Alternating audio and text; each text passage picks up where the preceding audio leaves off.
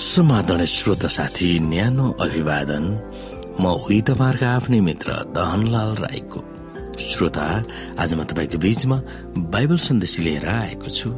आजको बाइबल सन्देशको शीर्षक रहेको छ विश्वासमा एकता।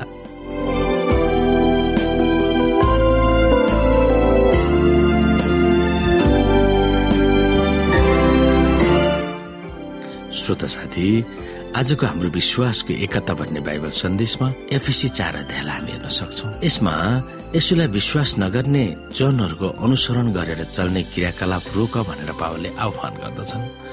बरु यसु भावनामा भावित भएर चलुन् भन्ने उनको आग्रह थियो। ती के हुन् त हामी हेर्न सक्छौ? यहाँ एकदेखि यसकारण म प्रभुको निम्ति एक कैदी तिमीहरूलाई आग्रहपूर्वक विन्ती गर्दछु कि जुन बोलावटमा तिमीहरू बोलाइएका छौ त्यही योग्यको जीवनयापन गर। सारा दिनता नम्रता र धैर्यताले एउटाले अर्कालाई प्रेममा सहेर शान्तिको बन्धनमा पवित्र आत्माको एकता कायम राख्न प्रयत्न गर।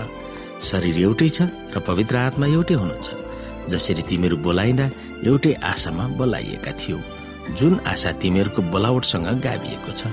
एउटै प्रभु एउटै विश्वास र एउटै बत्तिसमा हामी सबैका एउटै परमेश्वर पिता जो सबैमाथि सबैका मध्य र सबैमा हुनुहुन्छ।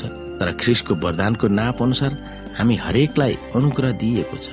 यसकारण यसो भनिएको छ उहाँ उच्चमा चढिजानु हुँदा कैदीलाई बन्दी बनाएर लानुभयो र मानिसहरूलाई वरदानहरू दिनुभयो। अब यो उच्चमा चढिजानु भयो भनेको चाहिँ के हो? केवल यही हो कि उहाँ पृथ्वीको तल्लो भागमा ओर्लनु पर्ने भयो। उहाँ जो ओर्लनु भयो उहाँ नै सारा स्वर्गहरू भन्दा धेरै माथि चढिजानु भयो यस हेतुले कि समस्त थोकलाई उहाँले भरिपूर्ण पार्न सकन्। अनि उहाँका वरदानहरू चाहिँ यिनै थिए कि कोही प्रेरितहरू कोही अगमवक्ताहरू कोही प्रचारकहरू कोही मण्डलीका पास्टरहरू र कोही शिक्षकहरू भनुन् कि ख्रिसको शरीर निर्माण होस् र सेवाको काम गर्न सन्तहरू सुसज्जित हो जबसम्म हामी सबैले विश्वासको र परमेश्वरको पुत्रको ज्ञानको एकता प्राप्त गर्दैनौ र परिपक्व मानिस बनी ख्रिसका पूर्णताको नापसम्म पुग्दैनौ यसरी हामी छालले अघि पछि हुत्याइएका धार्मिक सिद्धान्तको प्रत्येक बतासले र मानिसहरूका जालझेल धूर्तता र फट्याईले यताउता उडाइएका बालकहरू जस्ता नहौ।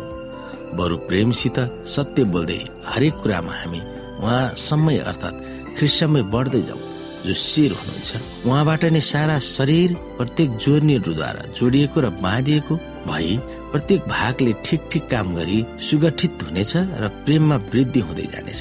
अब म यो जोड दिएर प्रभुमा भन्दछु र प्रभुमा गवाई दिँदछु कि अन्य जातिहरू जसरी तिमीहरूका विचारको व्यर्थतामा जिउँदछन्। त्यसरी तिमीहरू अबदेखि उसो नजियो तिमीहरूका हृदयको कठोरताले ल्याएको तिमीहरूका अज्ञानताको कारणले तिमीहरू परमेश्वरको जीवनदेखि बिराना भएका छौ र तिमीहरूको समाज अन्धकारले भरिएको छ।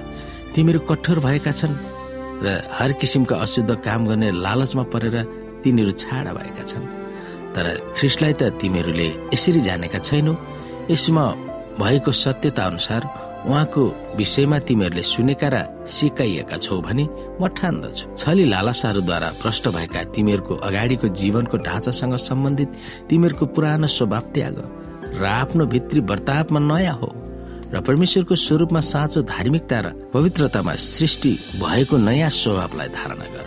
यसकारण झुट त्यागेर हरेकले आफ्नो आफ्नो छिमेकीहरूसँग सत्य बोल किनकि हामी एउटै शरीरमा एकअर्काका अङ्गहरू हौ। क्रोध गर तर पाप नगर। घाम अस्ताउन अघि नै तिमीहरूको रिस मरोस् र दियाबलसलाई मौका नदेऊ। चोर्नेले अब उसो नचोरोस् बरु उसले परिश्रम गरोस्। उसले आफ्नो हातले इमान्दारी साथ परिश्रम गरोस् र खाँचोमा परेकालाई दिन सकोस्।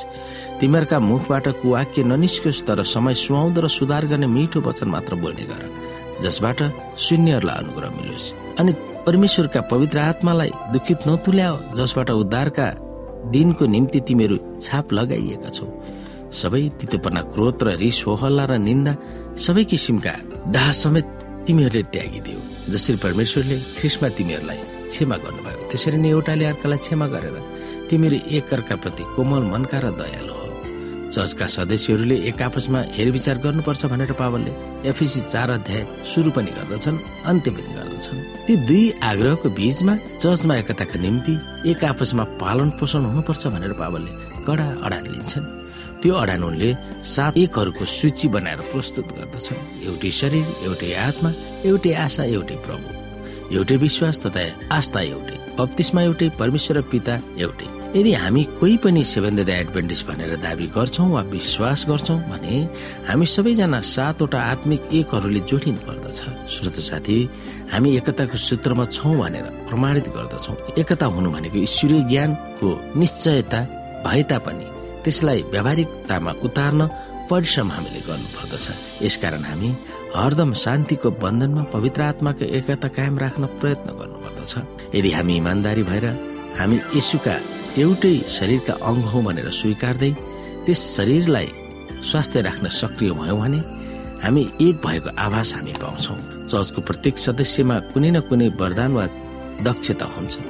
चर्चको सदस्यहरूले आफूहरूसँग भएको दक्षता वा वरदानहरूलाई उपयोग गरेर यसुको शरीररूपी चर्चलाई बलियो र स्वास्थ्य बनाउनु पर्दछ। प्रेरित अगमवक्ता सुसमाचार प्रचारक पास्टर र शिक्षकहरू हुन वरदानहरू पाएकाहरूलाई चर्चका सबै सदस्यहरूले फाइदा लिन सक्नु पर्दछ चर्चका ती दक्ष वा उपहार पाएका जनहरू चर्चको नसा र तन्तुहरू हुन्। तिनीहरूले चर्चलाई एकतामा राख्ने काम गर्दछन्। तिनीहरूले नै गरेर हामी यसु ख्रिसमा बढ्छौँ जो शरीरको शिर हुनुहुन्छ। फेरि त्यसै बखत पावलले तिनीहरूलाई यो बताउँदछ जसरी हामी छालले अघि पछि हुत्याइएका धार्मिक सिद्धान्तको प्रत्येक बतासले र मानिसहरूका जालजेर धुर्तरता र फट्याइले यताउता उडाइएका बालकहरू जस्ता नहौ बरु प्रेमसित सत्य बोल्दै हरेक कुरामा हामी उहाँसम्मै अर्थात् ख्रिससम्मै बढ्दै जाऊ जो शिर हुनुहुन्छ। श्रोत साथी सुरुको चर्चमा पनि चर्चलाई टुक्राउन धुर्त र फटा देखावटी इसाईहरू वा अगुवाहरूले चर्चलाई पिरोलेको थियो भनेर पावलले त्यस कथनबाट स्पष्ट गर्दछ। अहिलेको जस्तै त्यस बेला पनि विश्वासीहरूको बीचमा आफ्नो भाव खोज्ने प्रवृत्ति आन्तरिक सङ्घर्ष मतभेद थिए भनेर पावलका एफिसी र अरू पत्रहरूले खुलासा गरेको छ। पावलले विश्वासीहरूको बीचमा सौहार्द कायम राख्न अन्तिम हार्दिक आग्रह यसरी गर्दछन् जसरी परमेश्वरले ख्रिस्टमा तिमीहरूलाई क्षमा गर्नुभयो त्यसरी नै एउटाले अर्कालाई क्षमा गरेर तिमीहरू एक प्रति कोमल मनका र दयालु हो। एफिसी चार अध्यायको बत्तीसमा पहिलाको जस्तो कठोर र निर्दय हुन छोड्नु भनेर बाबाले विश्वासीहरूलाई आग्रह गर्दछन्।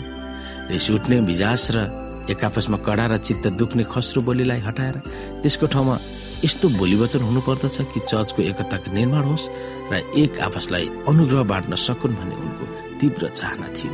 चर्चको एकतालाई कायम राख्न हामीले आफ्नो आफ्नो क्षेत्रबाट आफ्नो खुबी अनुसार प्रयास गर्नु महत्वपूर्ण अथवा जरुरी हुन्छ। यिनै कुरामा हामी विचार गर्न सक्दछौ।